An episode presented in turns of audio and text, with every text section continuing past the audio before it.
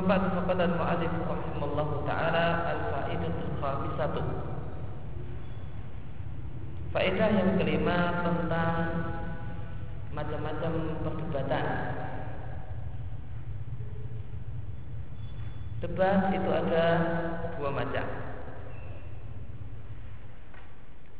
Yang pertama Mujadalatul Maratib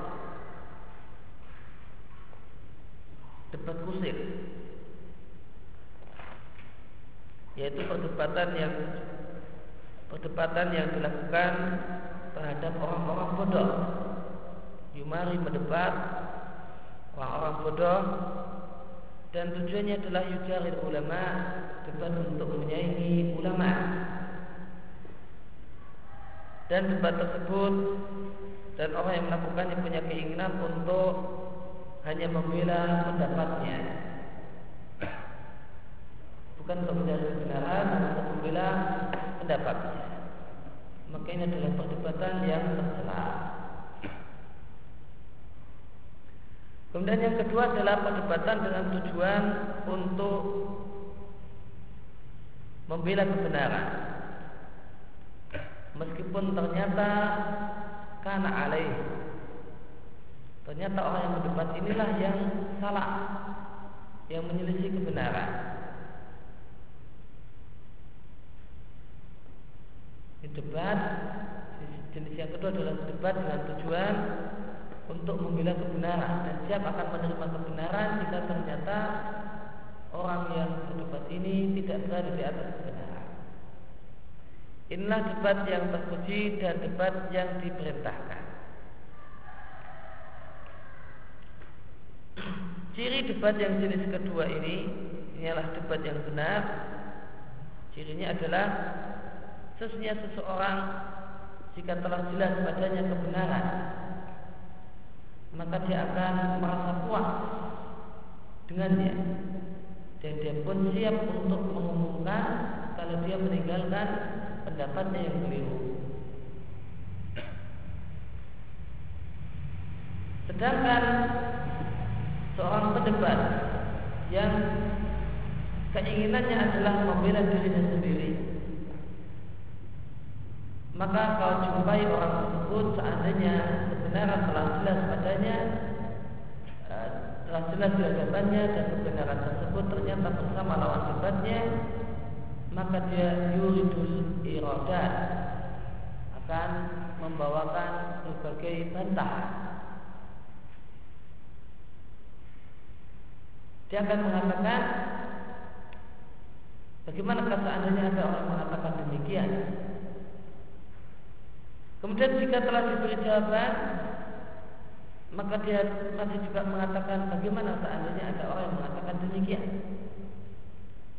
Kemudian setelah diberi jawaban, dia masih juga mengatakan bagaimana seandainya ada orang yang mengatakan demikian. Demikian seterusnya menjadi rangkaian yang tidak ada akhirnya.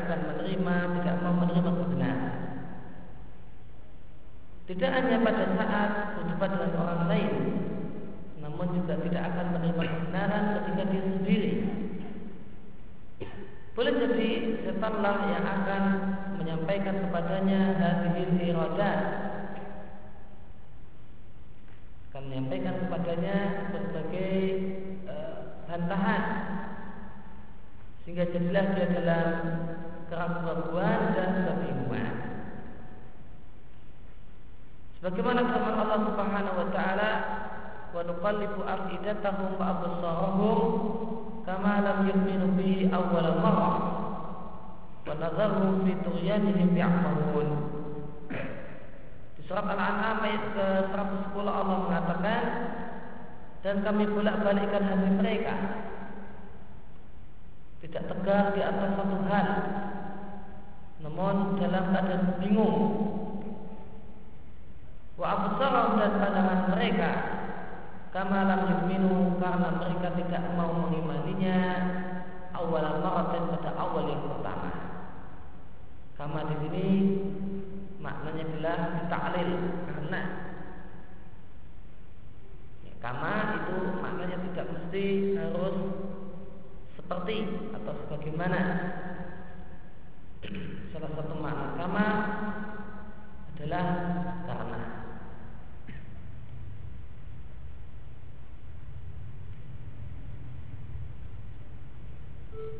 Bagaimana dalam doa yang doa orang tua yang terkenal di tempat kita.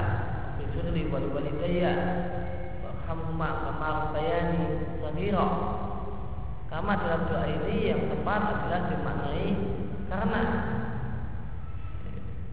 Ya Allah, ampunilah aku dan orang tuaku dan sayalah keduanya. Karena keduanya telah mendidikku, telah memeliharaku saat aku kecil. Kama lam yu'minu karena mereka tidak mengimaninya pada awal pertama kalinya. Wanadarum dan kami biarkan mereka Untuk Dalam keadaan mereka yang melampaui batas Ya'mahun Mereka tenggelam di dalamnya Demikian juga Allah berfirman Fa'in tawallau Maka jika mereka berpaling Maka ketahuilah Annama yuridullah ayusibahum biba'ati dhunubihim Bahasanya Allah subhanahu wa ta'ala ingin menimpakan mereka, menimpakan hukuman pada mereka disebabkan sebagian dosa mereka. Wa inna katsiran min nasi lafasiqun dan sebenarnya banyak manusia itu adalah orang-orang yang fasik yang keluar dari ketaatan. Maka kewajiban wahai saudara untuk menerima kebenaran Baik ketika engkau berdebat bersama orang lain ataupun ketika engkau sendirian. Maka jika telah jelas kebenaran di hadapanmu, maka katakanlah aku mendengarkan, aku taat, aku beriman dan aku percaya. Maka perdebatan jenis yang kedua adalah perdebatan dalam rangka membela kebenaran. Ini adalah perdebatan yang benar, adalah perdebatan yang terpuji. Apa cirinya?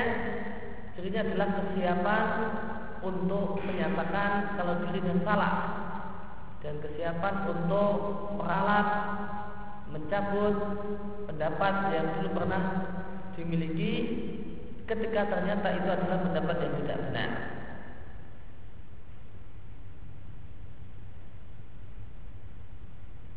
Kemudian disebutkan ciri orang yang berdebat dengan debat jenis yang pertama itu debat untuk membela dirinya sendiri dan pendapatnya sendiri. Orang yang berdebat untuk membela dirinya sendiri dan pendapatnya sendiri, dirinya adalah jika dia telah tahu bahasanya pendapatnya adalah pendapat yang keliru. Setelah dijelaskan oleh lawan debat yang sejelas-jelasnya, maka dia tetap tidak mau menerima. Namun apa yang dia lakukan? Dia akan memberikan sebagai pengabdian dan sebagai data. Bagaimana seandainya demikian? Bagaimana jika ada orang yang membantah dengan mengatakan demikian? Padahal sebenarnya dia sudah tahu kalau pendapatnya adalah pendapat yang keliru. Namun dia akan mengatakan andai ada orang yang mengatakan demikian gimana? Seandainya ada orang yang berkata seperti ini gimana? Seandainya ada orang berdebat semacam ini gimana? Nah ini adalah ciri orang yang berdebat eh, dan tujuan debatnya adalah bukan mencari kebenaran, namun untuk membela pendapatnya sendiri dan dirinya sendiri.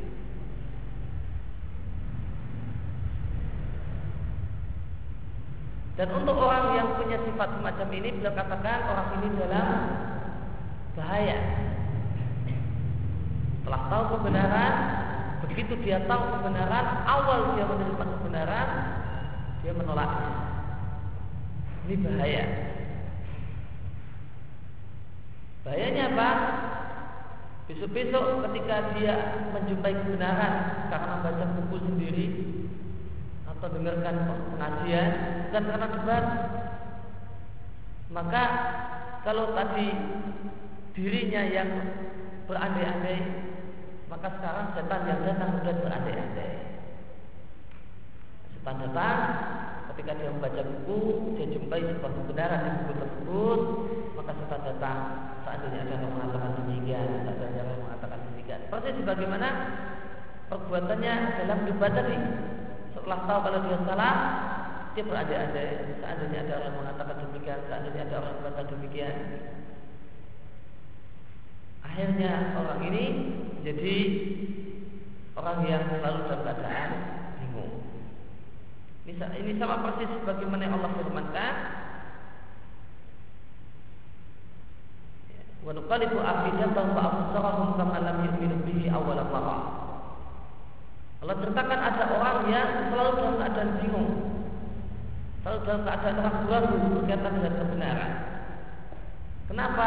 Karena orang ini punya sifat lam yu'minu bi awal Dia tidak mau menerima kebenaran dan beriman dengan kebenaran pada saat pertama kali dia menjumpai kebenaran. Orang yang pada saat pertama kali menjumpai kebenaran dia tidak mengatakan ini kebenaran, saya menerimanya, maka Allah akan memberikan hukuman dengan Allah buat dirinya adalah orang yang bingung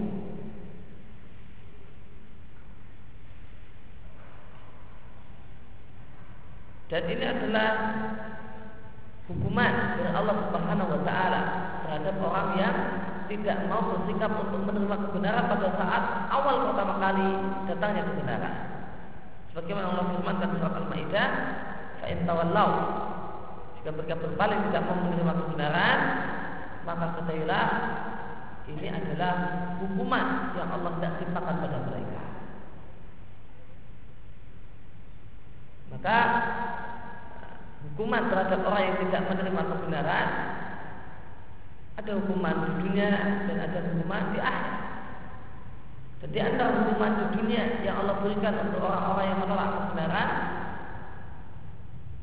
adalah Allah jadikan dia adalah orang-orang yang paling dari kebenaran. Mungkin ada hukuman orang yang menolak kebenaran. Allah jadikan hatinya adalah hati yang paling kebenaran.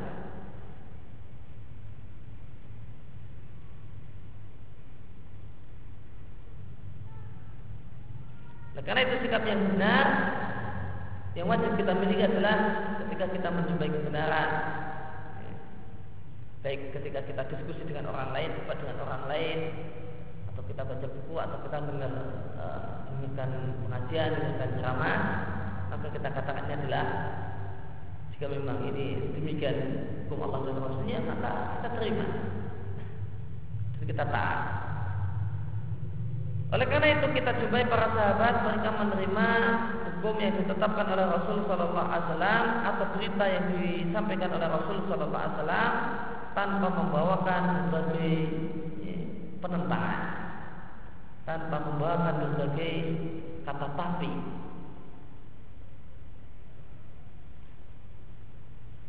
Maka kesimpulannya bahasanya perdebatan jika tujuannya adalah untuk membela kebenaran dan merontokkan kebatilan maka ini adalah perdebatan yang baik. Maka membiasakan diri melakukannya dan mempelajari dan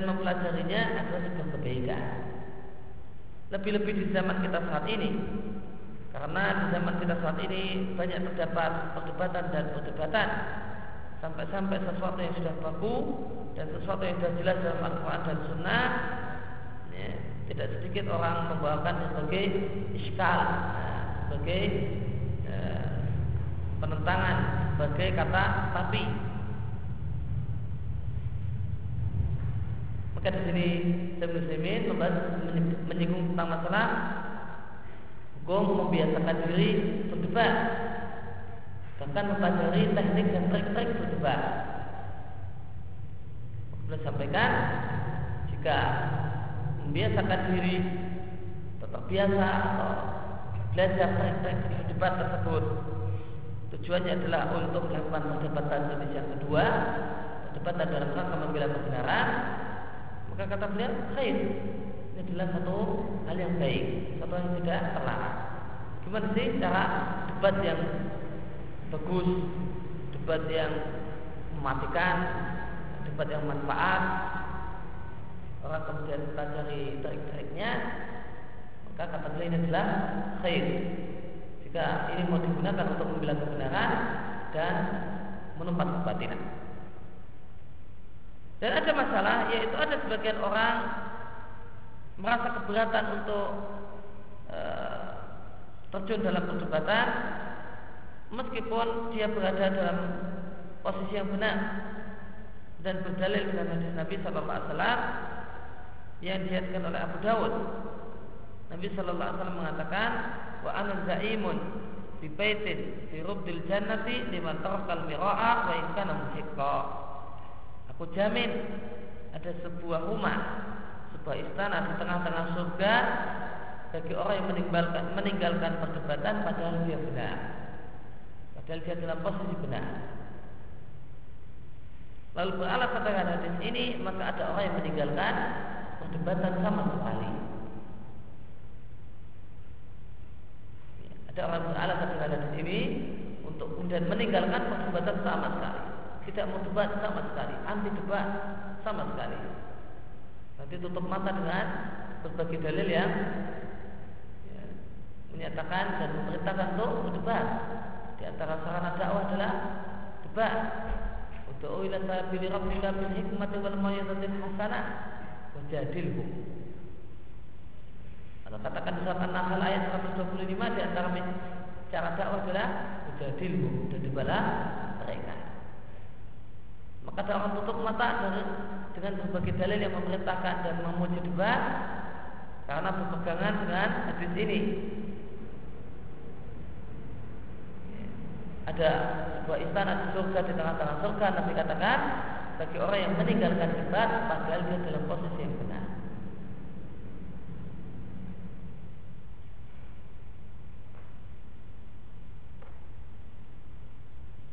Nah hadis ini diletakkan uh, oleh Abu Dawud dan diletakkan oleh Abu Dawud dalam judul bab bab akhlak yang mulia.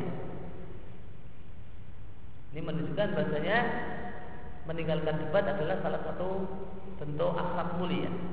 Non debat seperti apakah yang jika ditinggalkan merupakan bagian dari akhlak yang mulia? Maka penjelasannya adalah sebagai berikut.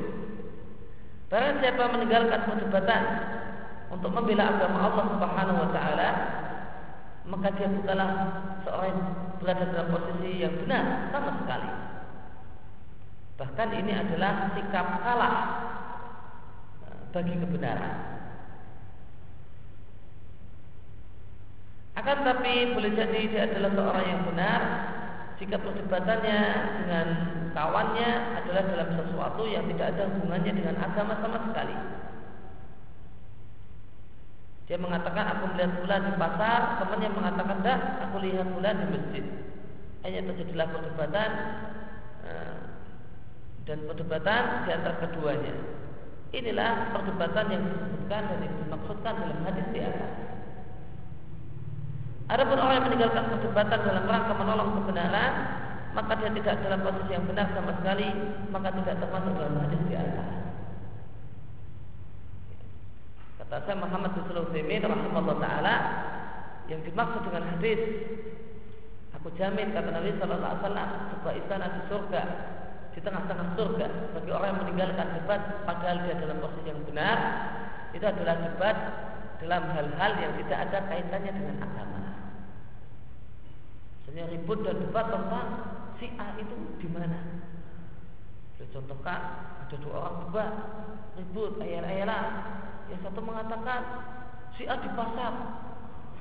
Enggak, si A itu di masjid. Saya lihat sendiri di masjid. Enggak, saya lihat sendiri dia di pasar. Akhirnya, bapak-bapak, keras-kerasan suara cuma ribut. Nah, si A itu di pasar atau di masjid. Nah, maka kata kata Syaikhul Utsaimin ini debat dalam masalah semacam ini yang Nabi janjikan ada istana di tengah-tengah surga bagi orang yang meninggalkannya padahal dia dalam posisi yang benar. Maka pada yang mengatakan dia di pasar itu yang benar, hanya kok wah ini kok masih di raya lah. Ya saya kalau memang di masjid ya memang di masjid. Saya tak ngalah aja. Yang waras ngalah. Nah ini eh, ini yang dimaksudkan. Ini yang dimaksudkan oleh hadis. Bukan meninggalkan debat dalam posisi benar itu dalam posisi uh, berkaitan dengan masalah agama jadi atau maksudnya temannya itu menyebarkan pemahaman yang sesat dan pikiran yang sesat wah saya saya benar. Sebenarnya saya yang benar dia itu membawa pemikiran sesat nih salah nggak usah salah ladeni nggak usah saya layani.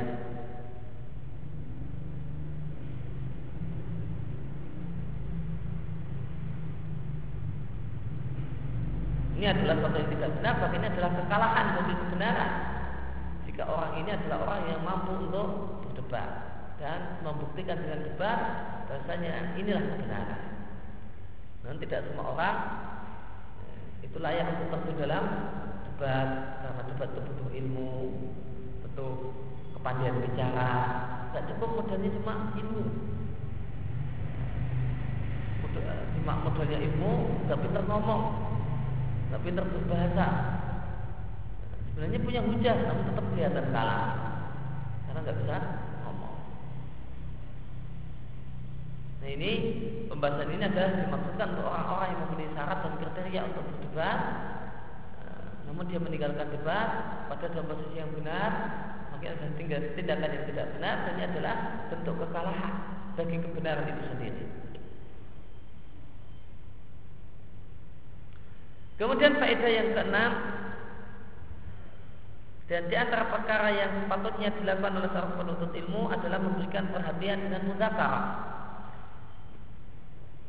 Saling mengingatkan, saling eh, atau diskusi. Dan muzakarah itu ada dua macam. Yang pertama adalah saling uh, muzakarah dengan diri sendiri. Artinya seorang itu duduk sendirian Kemudian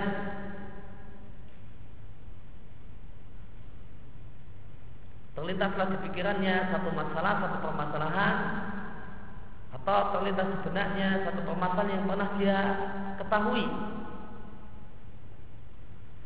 Kemudian dia pun berusaha mulai berusaha untuk memaparkan berbagai pendapat dan merujukkan berbagai pendapat dalam masalah ini. Sebagiannya dipilih nah, daripada sebagian yang lain. Ini adalah satu hal yang mudah bagi penuntut ilmu.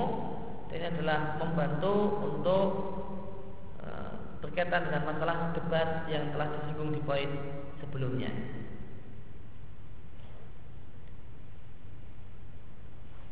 Maka mudah saling mengingatkan satu hal yang bermanfaat bagi penuntut ilmu. Salah satu dan ini ada dua macam. Yang pertama adalah mudah dengan diri sendiri. Artinya seorang duduk dia telah belajar suatu hal, satu masalah dan dalam masalah ini ada beberapa pendapat dan ada dalil-dalil dan ada pendapat yang kuat.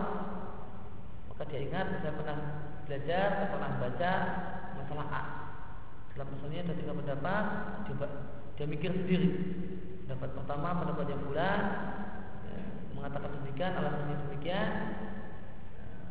Dan dia bikin diskusi sendiri dengan dirinya sendiri. Ini pendapat ini kurang tepat, alasannya demikian. Terus pendapat yang kedua demikian. Dan di sini pendapat yang paling kuat pendapat yang ketiga tepat, pendapat yang ketiga alasannya demikian. Ini mudakarah dengan diri sendiri. Kemudian yang kedua adalah mudakarah dengan orang lain.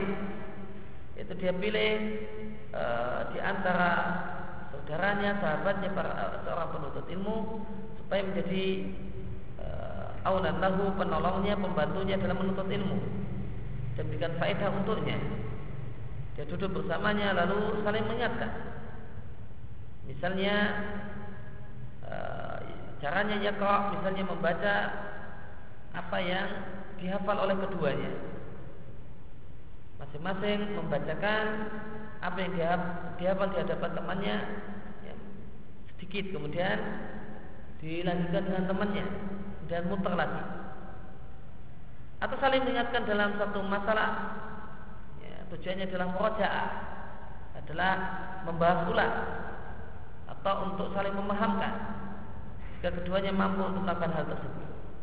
Dan ini adalah satu kegiatan yang menumbuhkan ilmu dan menambah ilmu. Akan tapi iakah hati-hati dengan sikap gaduh ucapan yang gaduh atau membual li'an hada la yufid karena ini tidak ada manfaatnya. Maka muzakarah jenis yang kedua adalah muzakarah dengan orang lain. Bentuknya adalah mengulang hafalan bersama misalnya. Orang hafal Quran atau hafal hadis arba'in atau yang lain. Kemudian yang satu e, membaca beberapa potong, kemudian setelah itu temannya melanjutkan, setelah itu dilanjutkan lagi, muter terus.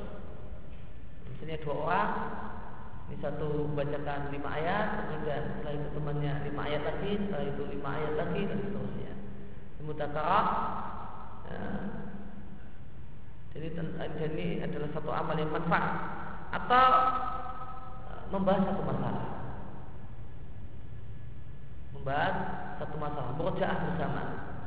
Ini kita telah ngaji masalah ini. Gimana hukumnya? Apa dalilnya? Maka saling uh, saling mengingatkan. Atau jika ada yang satu paham, yang satu kurang paham, maka yang kurang paham atau yang paham mengingatkan dengan yang paham. Yang paham mengingatkan uh, orang yang kurang paham. Kemudian faedah yang ketujuh karahiyatul tazkiyati wal madahi Watakabur ala khalqi. Terlarangnya uh, Tazkiyah Menganggap hebat diri sendiri. Dan terlarangnya Dan uh, Memuji-muji diri sendiri Dan sombong terhadap orang lain. Dan ini adalah penyakit sebagian orang Yaitu yuzaki nafsahu Menganggap hebat diri sendiri dia beranggapan bahasanya apa yang dia katakan itulah benar dan bahasanya orang lain jika menyelisih pendapatnya maka dia telah keliru dan anggapan semacam ini. Demikian pula suka dipuji. Sebagian orang punya penyakit, sebagian dai punya penyakit bertanya kepada orang lain apa yukal apa komentar orang tentang saya apa komentar orang tentang pengajian saya maka jika dia jumpai banyak orang memuji-muji dirinya, maka intafahqa. Maka dia akan menggelembung. Nah, maka dia akan apa? Kalau dalam bahasa Indonesia nah, GR. Wazada intifahuhu dan semakin menggelembunglah dia sampai-sampai sesaklah kulitnya untuk uh, membawa badannya. Kalimatnya orang Arab. Sampai kulitnya sesak. Kalau kita bilangnya nggak sampai kulit baju saja. GR sampai bajunya terasa sesak. Kalau orang Arab sampai DGR sampai sampai sampai kulitnya sesak tidak lagi bisa membawa badannya artinya badannya menggelembung sampai kulitnya mau nah, karena demikian menggelembungnya badannya Ini penyakit sebagian orang, sebagian dai, sebagian penuntut ilmu. Suka bertanya-tanya apa komentar orang tentang pengajiannya, tentang uh, komentar-komentar orang tentang dirinya. Dengan tujuan untuk mencari pujian dan mengharapkan mendengar pujian. Demikian juga sombong dengan orang lain. Sebagian orang waliyadzubillah Allah berikan kepadanya ilmu namun dia sombong.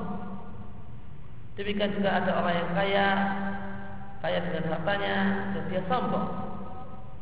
Oleh karena itu Nabi Shallallahu Alaihi Wasallam mengatakan sebuah hadis yang dia oleh Muslim Al-a'ilul mustakbiru min alladziina la yukallimuhumullah yaumal qiyamati wa la yuzakkihim wa la yanzuru wa lahum alim. Orang miskin yang sombong ada termasuk orang yang tidak akan Allah ajak bicara pada kiamat. Tidak Allah bersihkan, tidak Allah pandang dengan pandangan uh, kasih sayangnya dan untuknya siksaan yang pedih. Karena orang miskin ini dia tidak punya harta yang mendorong dia untuk layak untuk sombong.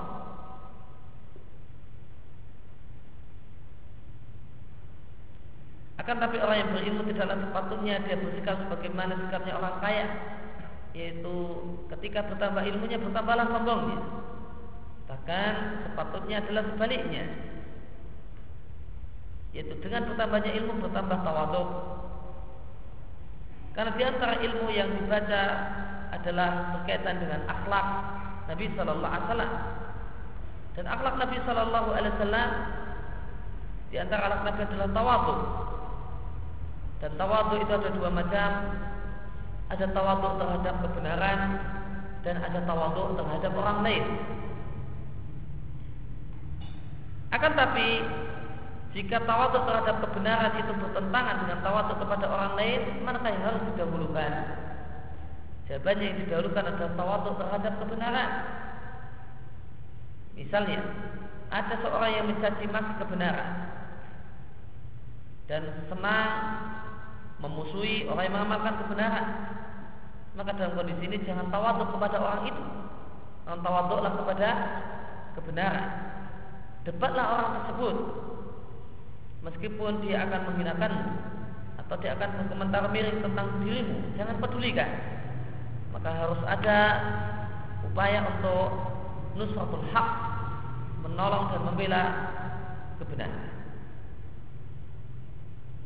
Ya. Maka beliau sebutkan tiga penyakit orang yang punya ilmu. Pertama adalah tazkiyah. Merasa bahasanya dirinya adalah orang yang super dan hebat. Nah, semua yang dikatakan benar dan semua yang dikatakan orang lain yang berbeda dengan apa yang dia katakan adalah salah.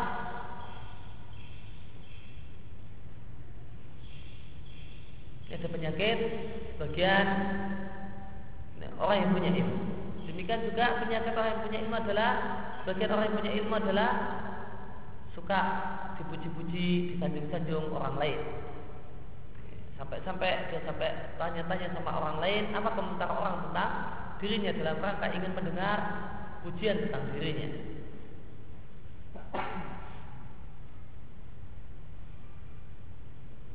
Kemudian yang ketiga adalah sombong terhadap orang lain karena merasa sudah punya ilmu. Beliau sampaikan Umumnya yang menyebabkan orang itu sombong adalah kekayaan. Namun sepatutnya orang yang berilmu itu jangan sebagaimana orang yang berharta. Umumnya orang bertambah harta bertambah sombong. Seharusnya orang yang punya ilmu, ya, kata orang Jawa harus uh, punya ilmu pasti. Nah, semakin banyak isinya, maka semakin merunduk. Padi itu semakin banyak isinya semakin merunduk. Maka semakin bertambah ilmu seharusnya orang yang berilmu adalah semakin tawadu. Kenapa harus demikian? Karena dia belajar agama. Dan di antara yang dipelajari adalah akhlak Nabi Shallallahu Alaihi Wasallam dan dan Nabi mengajarkan kepada kita untuk meninggalkan kesombongan dan tawadu dan tawadu boleh sampaikan ada dua macam. Ada tawaduk terhadap kebenaran, yaitu begitu tahu ini adalah sebuah kebenaran, langsung mengatakan sami'na wa Meskipun itu kebenaran itu ada pada lawan debatnya. Apa yang kamu katakan benar, saya yang salah. Dan ini adalah satu hal yang luar biasa, akhlak yang sangat luar biasa. Orang bisa mengatakan kamu benar, saya salah. Orang itu pinternya, kamu salah, saya benar. Berhenti mengatakan kamu yang benar dan saya yang salah. Ini satu akhlak yang luar biasa.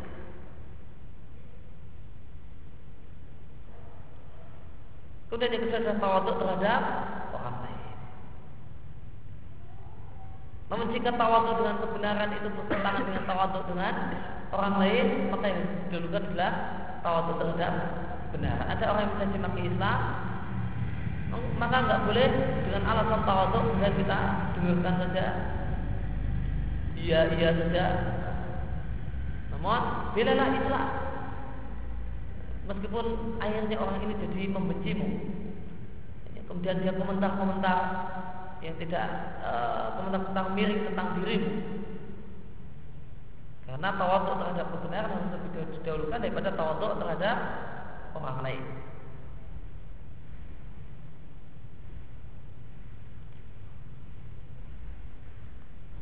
dan ilmu sebagaimana disinggung oleh Sebekar Abu Zaid di Hilyah Talibul Ilm ilmu itu punya tiga lapis. Lapis yang pertama itu eh, menyebabkan orang yang sombong. Kayak kayaknya tahu semua. Itu orang yang baru belajar sedikit ilmu. Itu biasanya penyakitnya sombong menyebabkan dalam kenyataannya menyebabkan banyak orang itu sombong. Baru belajar satu bab, satu masalah seakan-akan sudah menguasai semua bab.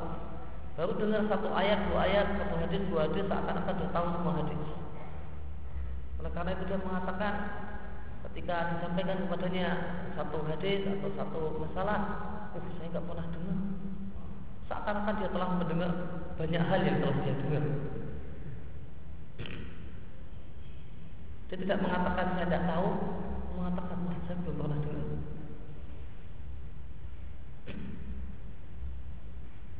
Kemudian lapis yang kedua setelah orang itu semakin bertambah berilmu dan semakin banyak yang dipelajari, maka lapis yang kedua adalah lapis tawadu. Seorang itu setelah tambah berilmu maka tawadulah dia, sadarlah dia kalau anggapan dia bahasanya dia telah tahu banyak hal, itu adalah anggapan yang keliru. Kemudian lapis yang ketiga, ketika seorang itu terus belajar dan makin banyak belajar adalah sadarlah dirinya kalau dia masih bodoh. Dan ilmu itu demikian luas, lautan yang tidak bertepi. Dan yang saya tahu itu cuma kata orang ya tidak ada apa-apanya. Itu cuma seperti kuku hitam yang cuma sedikit dibandingkan demikian luasnya lautan ilmu. Maka semakin orang banyak belajar, semakin orang banyak baca, semakin orang banyak mengkaji, tahulah dirinya kalau sangat banyak yang belum dia ketahui.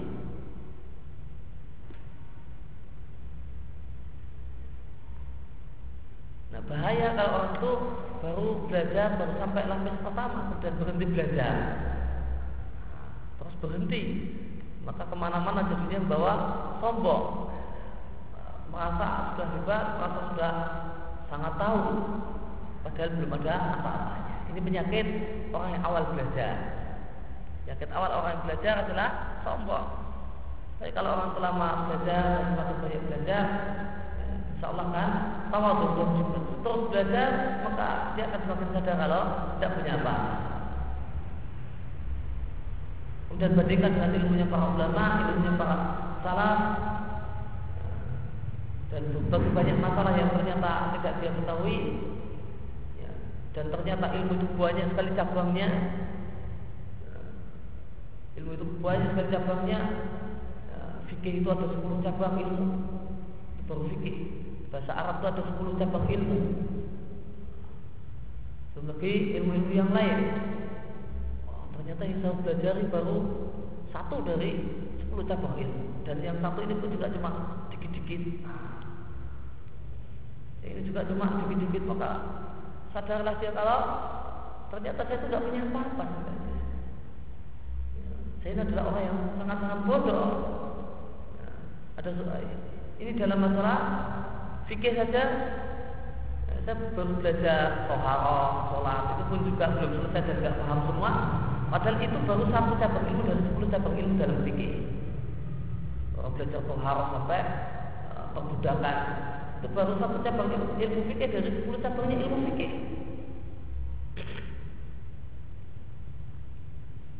dan itu pun juga dikuasai setengah-setengah maka orang akan paham kalau Eh, kita ini masih sangat bodoh sekali dan tidak tidak ada apa-apanya dan tidak ada isinya.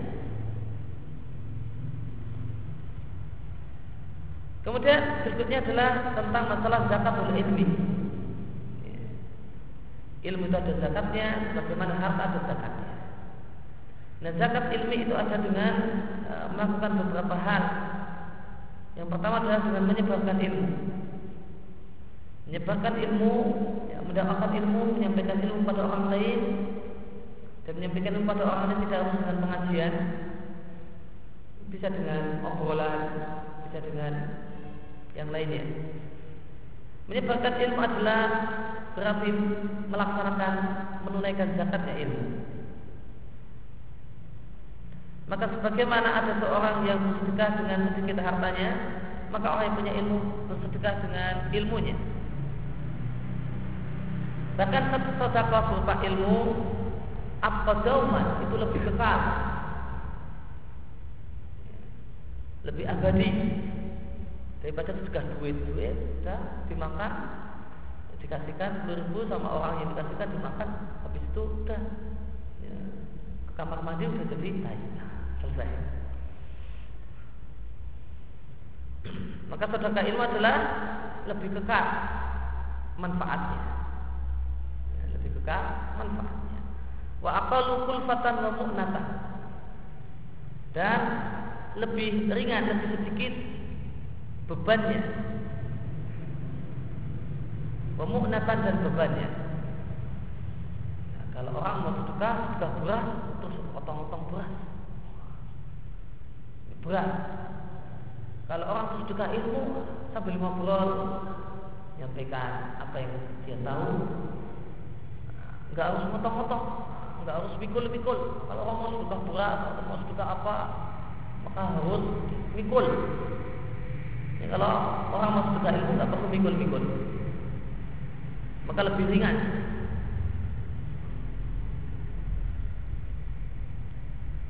Nah, sedekah ilmu itu lebih abadi.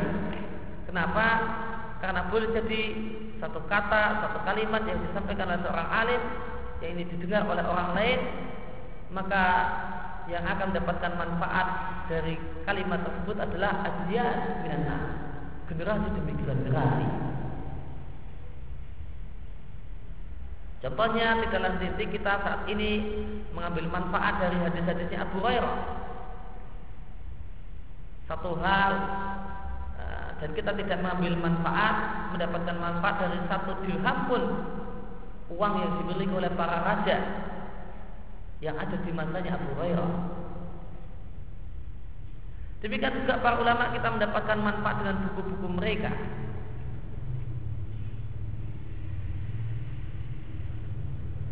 Maka mereka para ulama mereka e, mereka membayar zakat atau memberi zakat dan zakat ini tidak mengurangi ilmu bahkan menambah ilmu. Bagaimana perkataan penyair tentang masalah ilmu yazidu bi kasratil infaq minhu. Ilmu itu bertambah dengan banyak diinfakkan. Orang itu menguasai satu masalah lalu dia ceritakan masalah ini kepada 100 orang. Maka maka semakin hafal dia ketika telah dia sampaikan pada orang pertama, dia sampaikan lagi pada orang kedua, dia sampaikan lagi pada orang yang ketiga.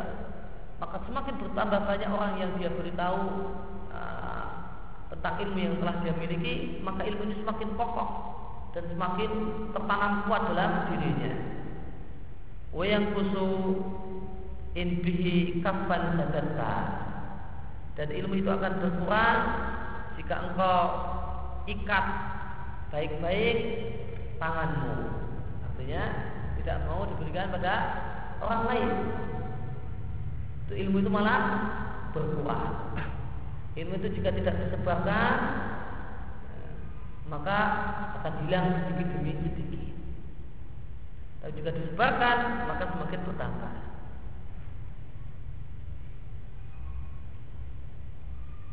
Kemudian yang kedua zakat ilmu yang kedua adalah dengan mengamalkan ilmu.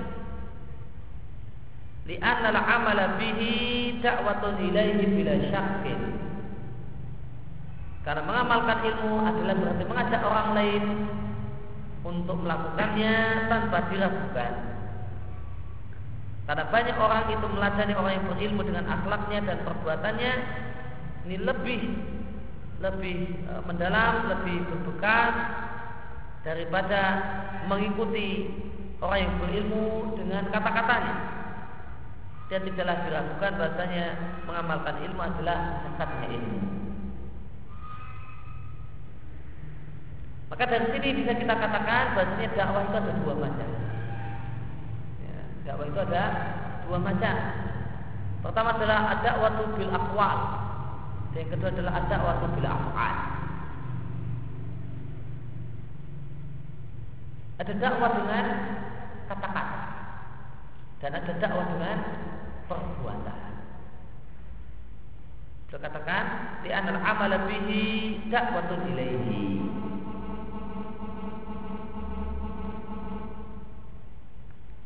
Di anal amal bihi dakwatun ilaihi.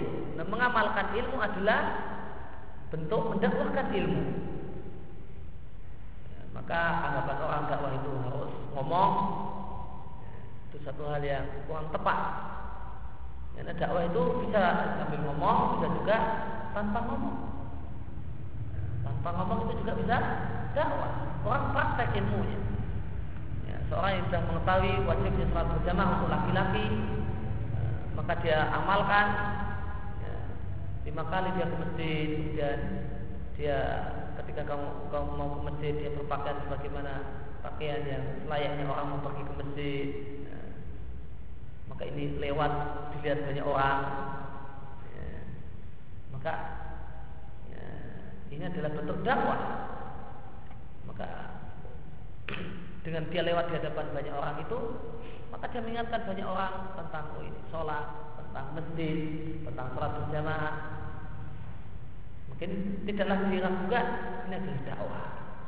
Ini adalah dakwah maka beliau katakan bila syakin tidaklah diragukan bahasanya mempraktekkan ilmu itu dakwah tanpa diragukan. Ketika seorang itu sudah banyak belajar, banyak ngaji, kemudian dia semakin berbakti sama orang tuanya, ya, maka ini dakwah dengan orang tua. Dakwah dengan orang tua. Maka dia mengatakan secara tidak langsung kepada bapak dan ibunya, baik bapak dan ibu, dengan saya semakin banyak belajar maka ngaji ngaji itu manfaat ngaji itu berfaedah. Dengan saya semakin banyak belajar banyak ngaji saya semakin berbakti. Maka orang tua akan yang boleh jadi punya pandangan miring tentang pengajian tentang jilbab atau tentang cadar atau yang lainnya ya, atau tentang jenggot. Oh, anaknya tambah panjang jenggotnya tambah baktinya luar biasa. Maka oh, jenggot itu ternyata manfaat kan yang punya pandangan buruk tentang jenggot itu akan uh, akan mengatakan nggak benar jenggotan dan uh, orang jadi jelek, jadi ini dan itu. Anak saya jenggot tambah baktinya luar biasa. Ya. Kalau misalnya orang Jawa dulu misalnya uh, ngomongnya itu ngomong, sekarang jenggotan ngomongnya malah klinis, ngomong. Maka ini dakwah. Ini dakwah. Dan dari orang tua yang paling efektif adalah dakwah dengan akhlak. Eh, dakwah bil bil afal. Itu yang paling efektif. Nyocok si orang tua, orang tua sudah sudah langsung komentar kamu ini baru lahir kemarin dan macam-macam. Nah, kalau orang itu mendakwai orang tuanya dengan dengan akhlak, ya, makin lama makin ngaji kok makin berbakti, makin baik sama orang tua. Dulu juga nggak pernah mijiti ibu, kok sekarang tiap malam mijiti ibu, wah, capek ya bu ya tak mijiti ya. Nah, luar biasa, kan sangat terkesan. Ini akhlak yang tidak dimiliki oleh anaknya sebelum dia ngaji, sebelum dia digoten, sebelum dia jilbaban.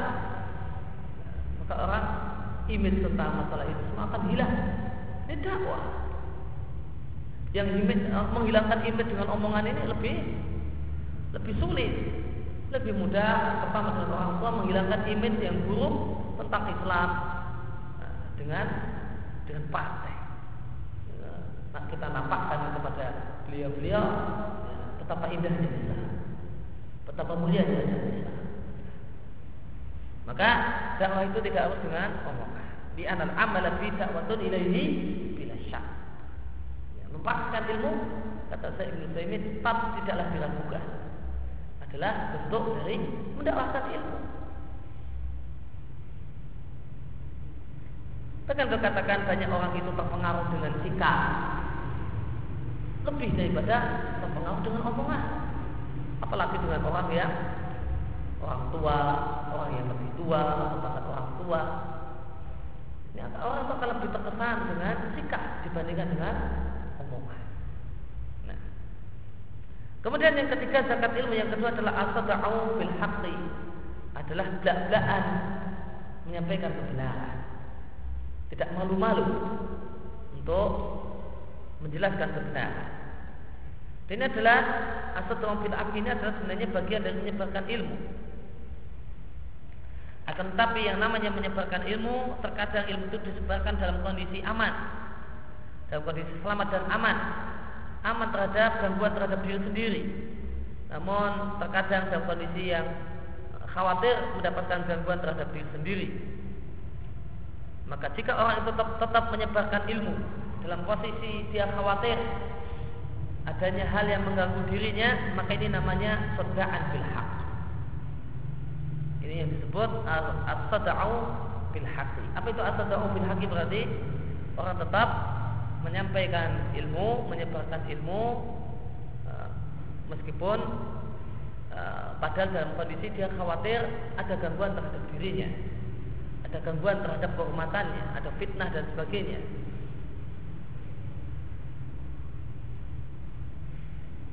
ada kritikan, ada komentar. Kemudian tidak peduli itu semua, ini ilmu adalah ilmu yang benar, saya sampaikan.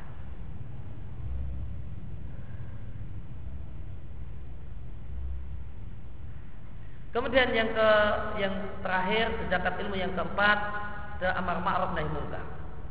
Tidak dilakukan bahasanya hal ini adalah termasuk zakatul ilmi, zakat ilmu. Karena orang melakukan amar ma'ruf dan nahi munkar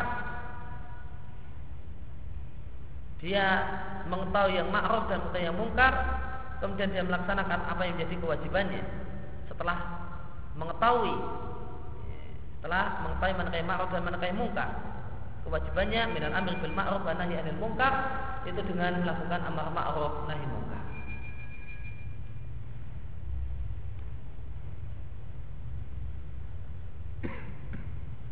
Kemudian yang kedua adalah sikap seorang penuntut ilmu terhadap waham, salah sangka atau keliru yang dimiliki oleh orang yang berilmu. Sikap seorang penuntut ilmu berkaitan dengan kekeliruan orang lain, terutama uh, dai atau ulama, ada dua sisi. Memiliki dua sisi. Sisi yang pertama adalah mengkoreksi kesalahan. Dan ini hukumnya adalah wajib wajib bagi semua yang asara yang menjumpai wahmi insan salah sangka seseorang meskipun dia adalah ulama yang sangat-sangat senior untuk mengingatkan salah paham tersebut dan kesalahan itu. Karena menjelaskan kebenaran hukumnya adalah wajib. Dan dengan diam maka mungkin akan menyebabkan hilangnya kebenaran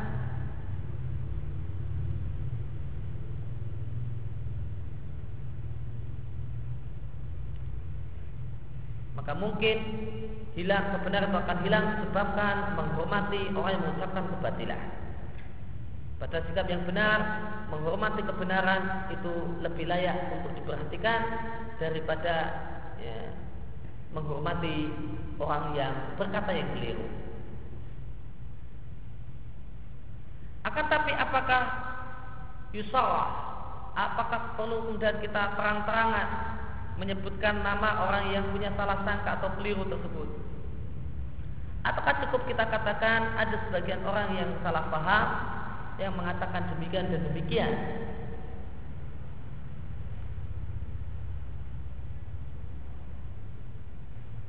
Maka jawabannya adalah ya,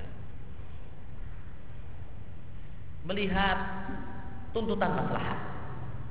Apa itu tuntut oleh maslahat? Maka boleh jadi maslahat menuntut supaya tidak kita sebutkan namanya. Semacam ada seorang yang berbicara membicarakan seorang ulama yang masyhur di masanya dan dipercaya ilmunya di tengah-tengah masyarakat dan seorang yang sangat dicintai oleh masyarakat. Nah, orang ini kemudian mengatakan dalam pengajiannya bulan berkata demikian demikian ini adalah keliru. Maka orang awam tentu tidak akan menerima perkataannya, bahkan akan mengejeknya dan tidak menerima kebenaran. Maka dalam kondisi ini sepatutnya seorang itu mengatakan di antara kekeliruan adalah perkataan orang yang mengatakan demikian dan demikian tanpa menyebutkan namanya. Namun boleh jadi orang yang punya tawahum Orang yang punya salah sangka tersebut adalah orang yang diikuti. Namun yang mengikutinya cuma segolongan kecil daripada masyarakat. Dan dia tidak punya martabat di tengah-tengah masyarakat. Tidak punya posisi penting dan posisi tinggi di masyarakat.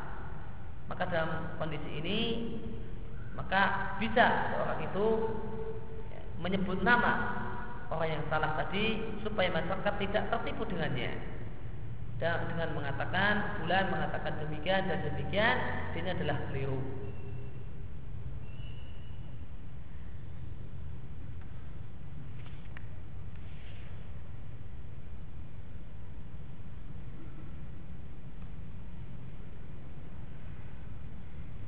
Maka ketika terjadi kekeliruan atau ada seorang yang punya perkataan yang keliru dan pendapat yang keliru, maka mengkoreksi pendapat yang keliru dan perkataan yang keliru hukumnya wajib.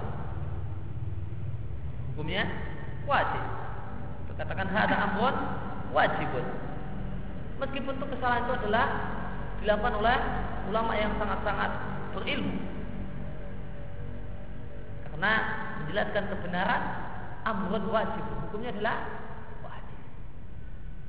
maka ketika ada orang yang salah, boleh jadi dia adalah seorang penuntut ilmu atau seorang ulama atau seorang dai atau seorang ahli bid'ah, ahli dolar, maka mengkoreksi kebenaran itu hukumnya wajib. Koreksi kebenaran itu tidak mesti berarti yang dikoreksi adalah orang. Mengkoreksi satu satu kekeliruan itu tidaklah maknanya ketika kita koreksi kita katakan kita nilai bahasanya pendapatnya adalah keliru. Tidaklah mesti orangnya adalah muktadi. Ini cuma yang pendapat yang keliru. Maka kita tahdir pendapatnya bukan kita tahdir orangnya. Nah ketika kita koreksi pendapat yang keliru Apakah mesti harus nyebut nama? Maka boleh sampaikan tidak harus nyebut nama. Tergantung masalah. Mana masalahnya? Jika maslahatnya adalah menyebut nama, maka nyebut nama. Jika maslahatnya adalah tidak menyebut nama, ya jangan nyebut nama. Maka tahdir terhadap pendapat yang keliru itu tidak mesti harus nyebut nama. Karena tujuan pokok kita, maksud pokok kita adalah mengkoreksi pendapat, mengkoreksi anggapan ini adalah anggapan yang keliru, pendapat yang keliru. Kemudian beliau contohkan jika orang yang punya pendapat keliru itu adalah dai kondang di kampung itu. kampung itu semuanya ngepan sama pada dai ini. Dan kita orang baru di kampung ini. Dan kita bahas orang ini dengan katakan Pak A ngomong demikian. ngomong demikian dan dia adalah keliru. Dalilnya gini gini gini gini gini gini. Begitu dia ngomong diri keliru, tuh muka semua orang sudah merah semua. Maka nasihatnya di sini nggak ada manfaatnya. Bahkan bukan masalah yang lebih berat sama yang ngefan-ngefan berat dengan dai tadi, oh nanti keluar masjid pukul ya Maka di sini apa? Orang awam. Maka berkatakan orang awam tidak akan menerima perkataannya. Bahkan akan melakukan tindakan anarkis terhadap orang ini. Kenapa? Ini adalah uang besar di kampung ini. Semua kampung ini adalah pengikutnya. Masa kemudian kita di depan pengikut seseorang kita katakan kamu yang kamu ikuti itu keliru, kelirunya fatal lagi, malah difatal-fatalkan. Ini ini tidak masalah. Maka ketika kita bicara di hadapan ya, sekelompok komunitas manusia tertentu, sekelompok orang dan sekelompok orang ini adalah pengagum berat orang yang punya pendapat yang keliru, jangan sebutkan siapa yang punya pendapat yang keliru. Lalu kita katakan ada orang yang punya pendapat demikian, dan ini mari kita timbang dengan Quran dan Sunnah. Kita lihat Quran mengatakan demikian, Sunnah mengatakan demikian. Nah, jika Quran mengatakan demikian, Sunnah mengatakan demikian, kira-kira pendapat tadi bahwa dan ibu-ibu ini benar atau salah? Oh, salah. Sudah. Ya, tanpa perlu kita sebutkan namanya. Nanti kalau dia ketemu orang yang punya pendapat, oh, ini kemarin bahas ini, oh ini keliru ini. Quran mengatakan demikian dan saya mengatakan demikian.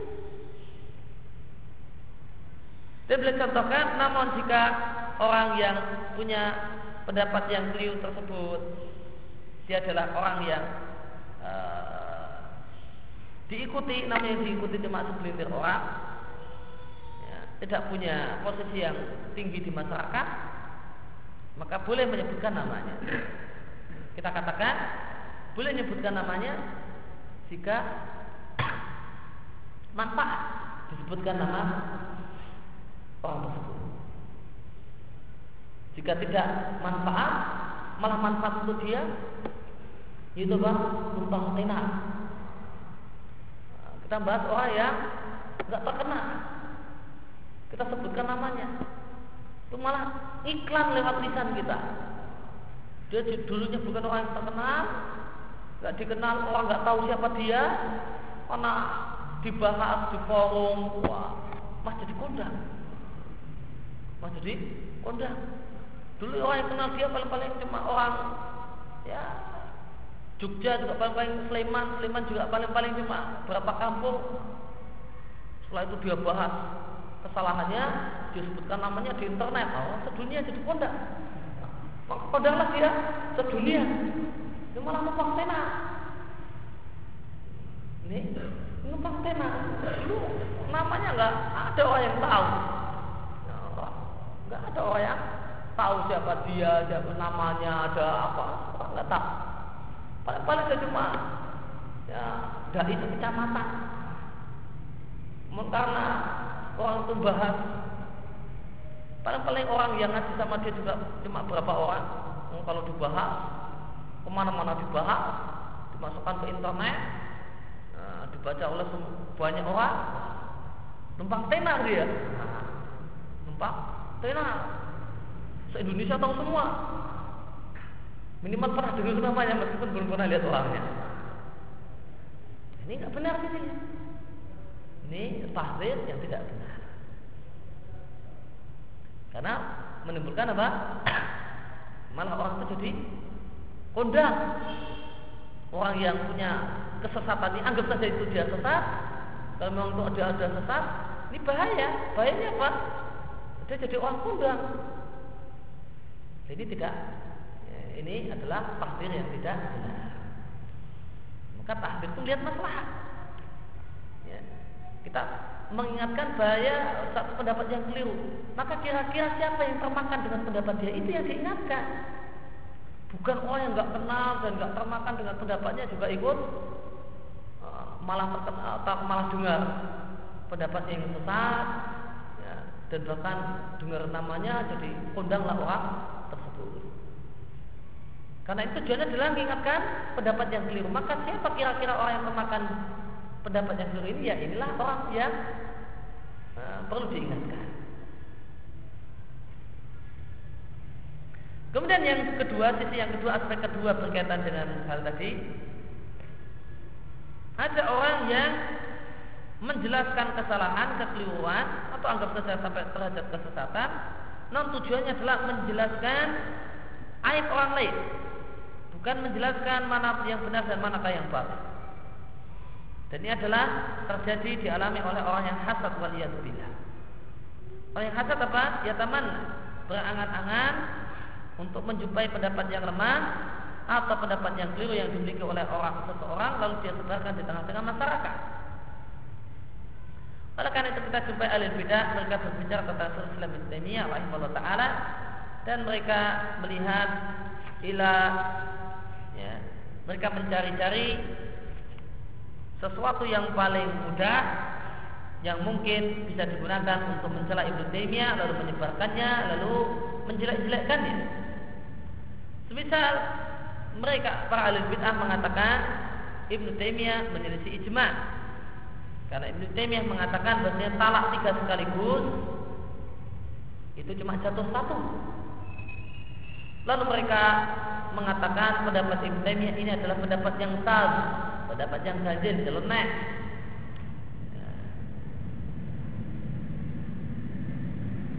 Kemudian dikutiplah hadis Waman saza saza. Siapa yang punya pendapat nyeleneh aneh, maka dia akan nyeleneh aneh masuk neraka. Wa amsalu hadza katsir dan perbuatan semacam ini atau contoh yang lain adalah banyak. Maka yang penting hendaklah tujuanmu tujuan kita ketika mengkoreksi pendapat yang keliru adalah menjelaskan kebenaran. Dalam menampakkan kebenaran. Dan barang siapa yang niatnya adalah kebenaran, maka dia akan diberi taufik untuk menerima kebenaran. Adapun orang yang maksudnya dan niatnya adalah untuk menampakkan keburukan orang lain, maka siapa yang mencari-cari kekurangan orang lain, maka Allah Subhanahu wa taala akan mencari-cari kekurangannya dan barang siapa orang yang Allah cari-cari kekurangannya, maka Allah akan melakukan orang tersebut meskipun dia berada di dalam rumahnya. Maka jika engkau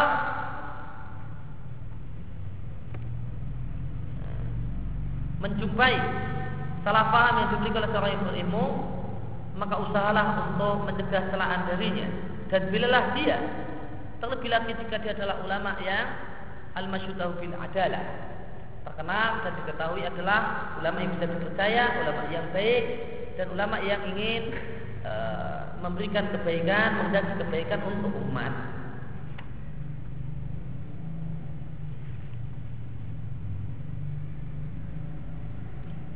Maka berkaitan dengan masalah e, mengkoreksi kebenaran, saya sampaikan ada dua hal yang patut diperhatikan yaitu pertama hukum dan caranya. Hukum dan caranya. Hukum mengkoreksi kesalahan hukumnya adalah wajib.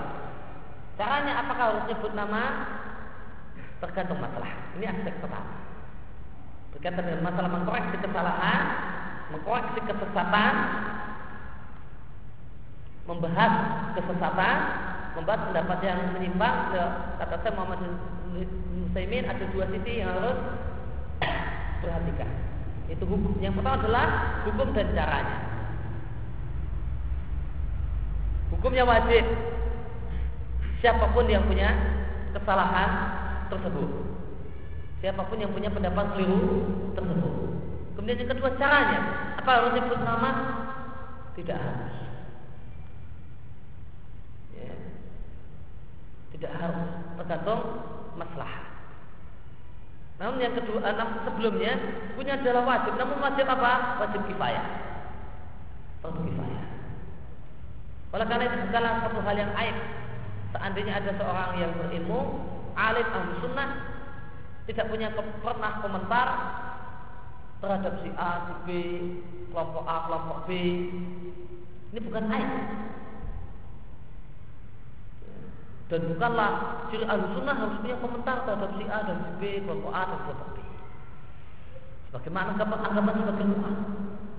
Orang punya uh, pendapat orang itu ahli sunnah juga dia punya komentar dan penjelasan tentang si A atau si B tentang Said Kutub atau yang lainnya itu baru sunnah. Kalau udah ngomong tentang A tentang dia tentang A dan B. Kok nggak pernah? Ya. membicarakan sekalipun tokoh sesat ini. Wah ini alusunnya gimana? Maka ini hukumnya wajib namun ingat wajib kifayah. Oleh karena itu bukanlah aib jika ada seorang ahlu sunnah atau alim ahlu sunnah atau dai ahlu sunnah tidak pernah bicara tentang si A dan si B, kelompok A dan kelompok B. Kenapa? Karena dia menganggap sudah dipenuhi wajib kifayah ini oleh orang lain. Bagaimana ya, misalnya kita jumpai ya, satu uh, ulama muasirin Syekh Muhammad bin Salim beliau hampir bisa dikatakan tidak pernah bicara tentang kelompok tertentu dan tentang tokoh-tokoh sesat tertentu. Hampir tidak pernah. Cuma majelis-majelisnya dan di buku-bukunya. Ini bukanlah aib bagi Syekh Muhammad bin Salim meskipun sebagian orang orang mencela Syekh Muhammad bin Salim karena karakter yang semacam ini. Bagaimana ada yang komentar? Komentar miring tentang Syekh Muhammad bin Kenapa? Tidak pernah komentar. Tidak pernah bahas tokoh A, tokoh B, tokoh C, nah, kelompok A, kelompok B.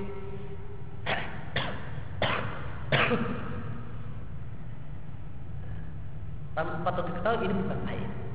Kenapa? Ini fardu kifayah. Ada pun beliau tidak komentar, karena beliau sudah komentar, ini sudah ya, sudah dijelaskan oleh orang lain, ini sudah cukup. Sudah cukup, sudah terwakil orang lain. Enggak, enggak harus semua bicara tentang masalah. Jadi wajib, namun wajib ini adalah wajibnya wajib kifayah. Maka sekali lagi bukanlah aib bagi seorang ahli sunnah yang tidak punya komentar tentang si A dan si B, kelompok A, kelompok B, karena menilai sudah ada orang yang bicara tentang masalah ini. Nah, ketika ada orang yang bertanya kepada dirinya di manakah kelompok A, tanya jadi bulan. Dia cuma mengatakan dia yang menggeluti masalah ini. Tanya si bulan, dia yang menggeluti masalah ini dia paham belum tentang masalah ini. Saya nggak begitu tahu tentang masalah ini. Ini enggak enggak aib semacam itu. Gimana tentang A? Tentang tokoh A? Tanyakan sama si fulan. Ya, saya kurang bahas tentang enggak tahu banyak hal tentang diri beliau ya. Oh yang ketemu nih. Nah, itu silahkan tanya sama ya. Ini masalah. Orang sudah punya, dia bukan aib dan bukan cacat bagi seorang ahli sunnah. Dia bukan seorang bukan bukanlah syarat ahli sunnah harus punya komentar ya, tentang si A dan B, kelompok A dan kelompok B. Kemudian yang kedua beliau sampaikan di masih di poin yang pertama adalah tentang apakah harus nyebut nama. Maka tidak. Ini tergantung masalah. Mana yang manfaat? Sebut nama ataukah tidak? Maka ada faedah-faedah tentang masalah tahdid. Ini harus diperhatikan, norma-norma yang diperhatikan. Nah, maka dengan norma-normanya tersebut diperhatikan, maka ini adalah takdir yang benar. Kemudian yang kedua, tujuan orang untuk mengoreksi kesalahan, niatnya harus niat yang benar. Apa niat yang benar dalam mengoreksi kesalahan orang lain? Niatnya adalah untuk menjelaskan kebenaran dan menampakkan kebenaran. Itu niat yang benar. Tidak boleh niatnya adalah ingin membeberkan aib dan kekurangan orang lain. Nah jika niatnya adalah ingin membeberkan aib dan kekurangan orang lain, maka ini adalah niat yang keliru. Maka koreksi kesalahan dalam hal ini tidak benar, tidak itibak.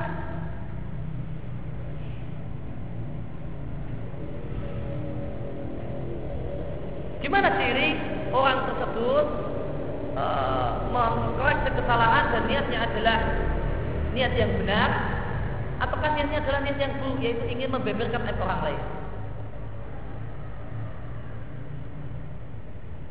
Maka beliau sampaikan di sini ya, ciri orang yang niatnya adalah membeberkan aib orang lain adalah yatamanna ayajidah qaulan dha'ifan au khata'an li syakhsin ma. Berangan-angan dan gembira serta bahagia kalau menjumpai perkataan yang keliru yang dimiliki oleh seseorang. Wah, ini dia. Sambil senyum-senyum.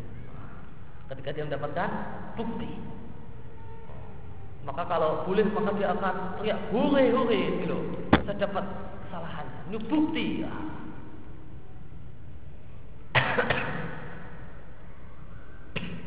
maka ciri orang ini bicara tentang koreksi mengkoreksi satu kekeliruan namun niatnya bukanlah karena untuk izharul hak untuk mendapatkan kebenaran namun niatnya apa untuk membeberkan aib orang lain cirinya adalah apa ya punya angan-angan. Seandainya dia menjumpai pendapat keliru seseorang tertentu. Alangkah bahagianya. Alangkah bahagianya dia berangan-angan. Ya tamanna. Ya tamanna ayat tidak kaulan dhaifah. Al-khata alisahsana. Dia berangan-angan. Betapa bahagianya. Betapa indahnya. Seandainya saya jumpai tulisan dia. Itu menunjukkan kalau dia keliru. Saya jumpai perkataan dia dan ini adalah perkataan, perkataan yang keliru. Dan setelah ketemu maka wah hatinya bersorak lihat. Wih, ketemu sudah yang saya cari. Ini bukti kalau dia adalah orang sesat.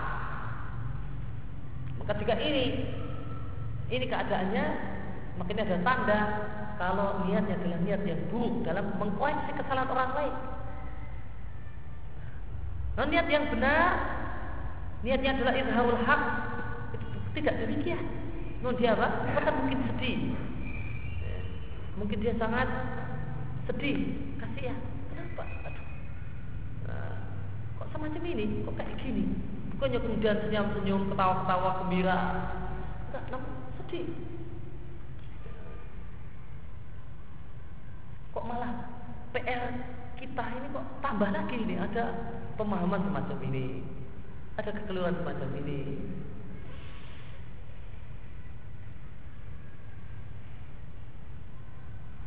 Nah, itu dua aspek yang harus diperhatikan berkaitan dengan masalah mengkoreksi kekeliruan yang dimiliki oleh seseorang. Pertama adalah hukumnya, kemudian caranya, kemudian yang ketiga adalah niatnya. Demikian yang kita bahas dalam kesempatan pagi hari ini. Mudah-mudahan jadi ini bermanfaat. Wassalamualaikum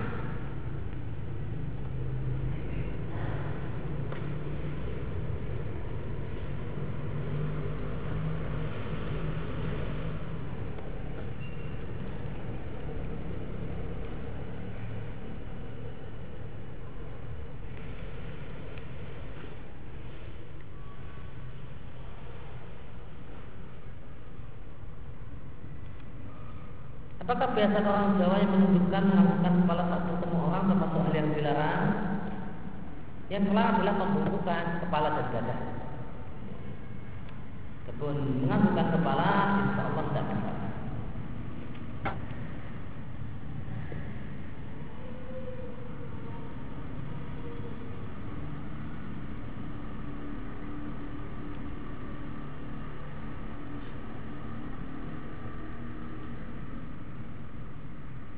Jika waktu sholat huruf tak dalam mustaqim di surat Al-Fatihah tidak diganti dengan huruf qaf. Taknya diganti qaf. Apakah hal ini menyebabkan tidak sah sholatnya? Jika sewaktu sholat huruf tak dalam mustaqim di surat Al-Fatihah tidak diganti dengan huruf qaf. Apakah hal ini menyebabkan tidak sah sholatnya? memangnya harus diganti kos jawabannya memangnya harus diganti kos itu jawabannya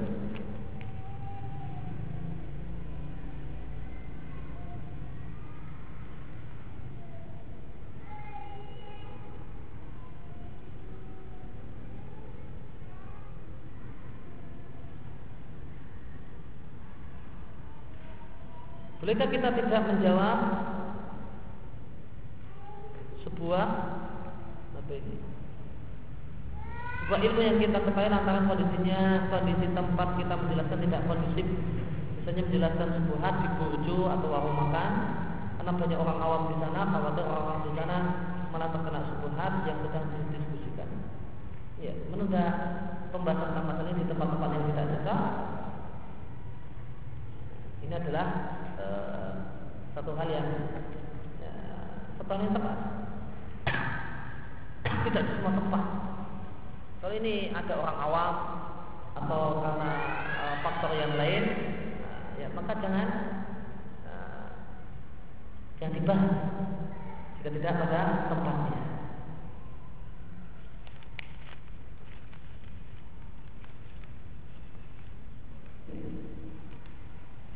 Bagaimana Muhammad Rasulullah satu ketika pernah pergi bersama Syekh Takuddin Al-Hilali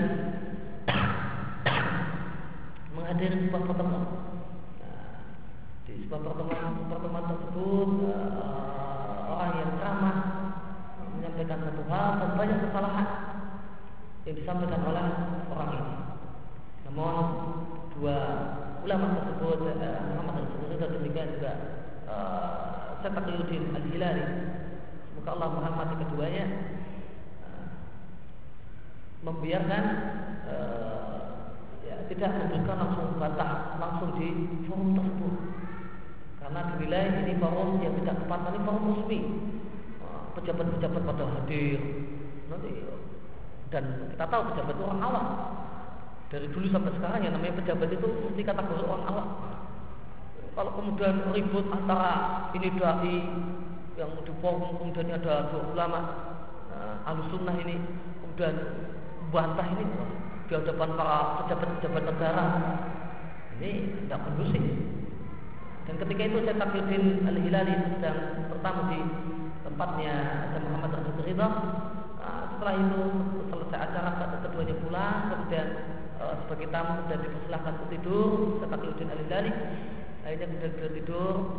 Namun ternyata uh, apa, uh, begitu sampai rumah Muhammad Rasul Ridha itu langsung tulis bantahan untuk ceramah tadi. Bantahan untuk ceramah tadi. Nah, begitu langsung nulis diselesaikan kemudian malam itu langsung dimasukkan ke percetakan dan paginya sudah selesai cetak. Paginya sudah selesai cetak. Bangun-bangun cetaknya Yasin Alilali bangun-bangun bisa beri. Nah, baca uh, saya mau terus itu punya majalah namanya Al-Manar majalah Al-Manar majalah Al-Manar itu tempat kita semacam uh, apa? Bukan majalah ya uh, semacam jurnal. Macam jurnal jurnal ustaz yang agak tebal. Uh, majalah Al-Manar itu semua isinya tulisannya saya Muhammad Rasulullah beliau yang nulis beliau yang nyetak beliau yang mengoreksi beliau yang ngedit beliau yang menyetakkan mengurusi percetakannya dan beliau yang mendistribusikannya. Dari Mesir bisa sampai Rusia bisa sampai Indonesia satu orang yang kerja. Dari kerja nulisnya kemudian ngeditnya kemudian nyetaknya sampai distribusinya. Dengan keadaan e, transportasi di masa silam. Itu dari Mesir bisa sampai Indonesia tersebar ke Indonesia sampai ke Rusia sampai ke Eropa. Itu kerjanya satu orang jadi begitu maka begitu pagi cetak Yudin Alilan itu langsung melaporkan ini baca ini silahkan saja tanggapan kritikan untuk uh, acara semalam. Berjudi pagi-pagi itu sudah langsung disodorkan cetak Yudin itu kapan kamu mengerjakannya ketika kamu tidur itu ternyata saya mau Rasul itu ngetik nulis dengan mesin ketik masa silam kemudian langsung diselesaikan Terusnya pagi sudah selesai. pagi selesai. Padahal ini acaranya tadi malam. Acara tadi yang dijumpai tadi itu acaranya malam. Ini menunjukkan ulul himmah. Malam begitu selesai sibuk ngetik semua makalahnya jadi. Padahal itu semua dari depan sampai belakang makalahnya bahas itu itu semuanya tulisannya saya Muhammad Rasulullah. Dan malam itu juga dicetakkan dan malam itu juga selesai. Selesai jilidnya masing-masing. Maka nah, ada satu pelajaran di sini yaitu ya, melihat kondisi. Kalau kondisinya forum resmi dan ada perkataan yang mentah, kata yang naik, nah, beliau tidak bantah di forum, beliau bantah di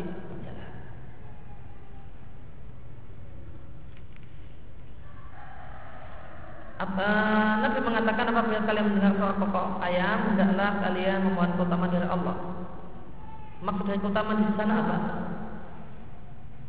Ya Nabi mengajarkan pada kita ketika kita mendengar suara pokok ayam supaya uh, Allahumma ini as'aluka min fadlik. Ya Allah, aku mohon karunia. Ya karunia Allah Subhanahu wa taala, apa yang dimaksud karunia Allah di sini? Ya, karunia Allah Subhanahu wa taala di sini bisa ampunan, bisa rezeki dan yang lain. Umum. Mui mengharapkan gol. Nah, bagaimana pendapat Ustaz tentang hal ini? Jawabannya adalah uh, Bagaimana kaidah yang terkenal uh, berkaitan dengan masalah fatwa? Fatwa itu tidak bersifat mengikat, kecuali berdasarkan kekuatan dalilnya. Dan orang itu wajib beramal dengan fatwa jika dia merasa fatwa tersebut adalah pendapat uh, fatwa yang yang kuat. Ini karakter fatwa. Dan perlu diketahui bahasanya MUI mengharamkan golput itu bersyarat itu bersalah. Jangan sarannya jangan dihilangkan. Ini namanya cuan. Ini namanya cuan. Wong fatwanya bersyarat kok kita katakan golput gitu saja. Fatwanya memang mengharapkan golput jika terdapat pemimpin yang memenuhi kriteria, kriteria ideal. Sekarang sebelum kita ngoreksi tentang fatwanya, coba kita telaah fatwanya, yaitu apakah kriteria tersebut memenuhi persyaratan? Kriteria tersebut ada di lapangan ataukah tidak? Kalau kriteria nggak ada di lapangan, amanah, gini-gini dan seterusnya nah, dengan kriteria yang disebutkan, nggak ada yang memenuhi persyaratan, berarti nggak bertentangan dengan fatwa. Kalau kita golput, memang uh, fatwanya besar dan ternyata nggak memenuhi persyaratan, berarti tidak bertentangan dengan fatwa yang ada.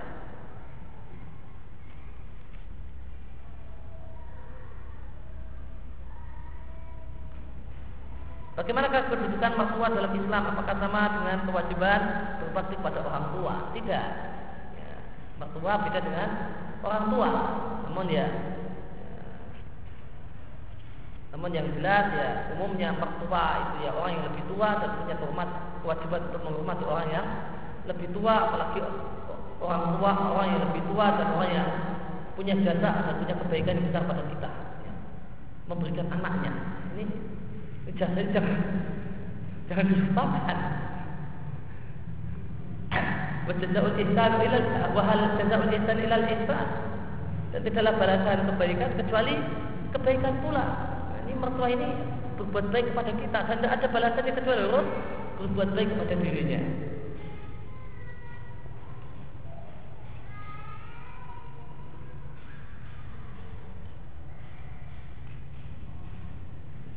Jika ada seorang yang melakukan perekaman sebuah khutbah Jumat, apakah orang tersebut bisa masuk dalam kategori perbuatan sia-sia dalam khutbah Jumat? Di, di mana maksud perekaman di sini? Kalau yang dimaksud perekaman adalah perekaman dengan tulisan, maka mungkin bisa termasuk perbuatan sia-sia. Jika rekamnya rekam pakai flash disk, ya, maka azan kemudian dia pasang flash disk di uh, dekat mic atau di mimbar maka tidak bisa kita katakan ini perbuatan sia-sia dalam jum, dalam ibadah Jumat di mana letak sia-sianya.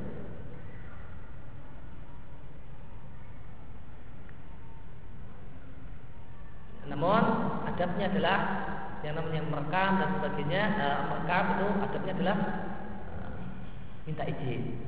Karena ada sebagian orang yang mau bicara di sini dan tidak mau disebarkan di tempat yang lain. Karena ini adalah apa yang dia bicarakan khusus berkaitan dengan keadaan di sini. Dia tidak ingin disebarkan di tempat orang lain maka harus dengan seizinnya. Ini adab dalam masalah merekam makna hukum ni'am dalam hadis ya, uh, Nabi kepada Ali seandainya Allah memberikan hidayah dengan sebab dirimu seseorang maka lebih baik daripada umur ni'am. Umur ni'am adalah unta yang berwarna merah yang merupakan unta yang paling mahal dan merupakan simbol kekayaan. Ya, simbol kekayaan. Kalau di Toraja simbol kekayaan itu apa? Kepala kerbau di depan rumah. Itu kalau makin banyak deretannya, wah ini semakin kaya. Kalau orang sekarang uh, simbol kekayaan mungkin mobil. Nah, kalau dulu orang Arab itu simbol kekayaannya adalah memiliki unta ini, unta jenis ini. Semakin banyak dia punya unta jenis tersebut, maka dia semakin kaya.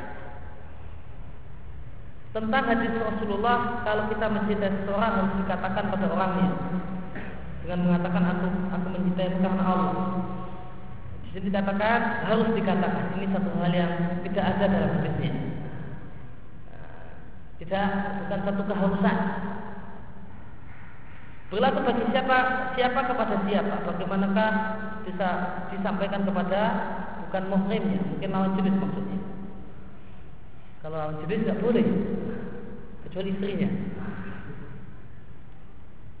Yang dimaksudkan dengan hadis tersebut adalah persahabatan. Seorang itu bersahabat dengan orang lain uh, dan dia menyukai orang tersebut, maka dianjurkan untuk mengatakan demikian. Namun hati-hati. Namun hati-hati.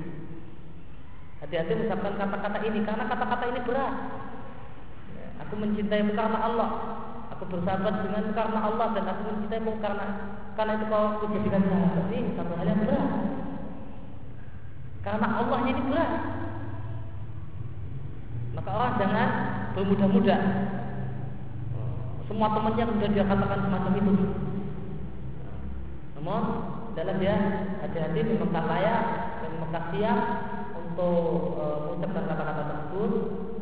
Coba dilihat penjelasan para ulama tentang hadis ini hadis yang ada di Riyadhus Shalihin, penjelasan lebih detail ya ada di sarannya Syekh Muhammad bin Utsaimin tentang hadis ini. Demikian sallallahu alaihi wa sallam.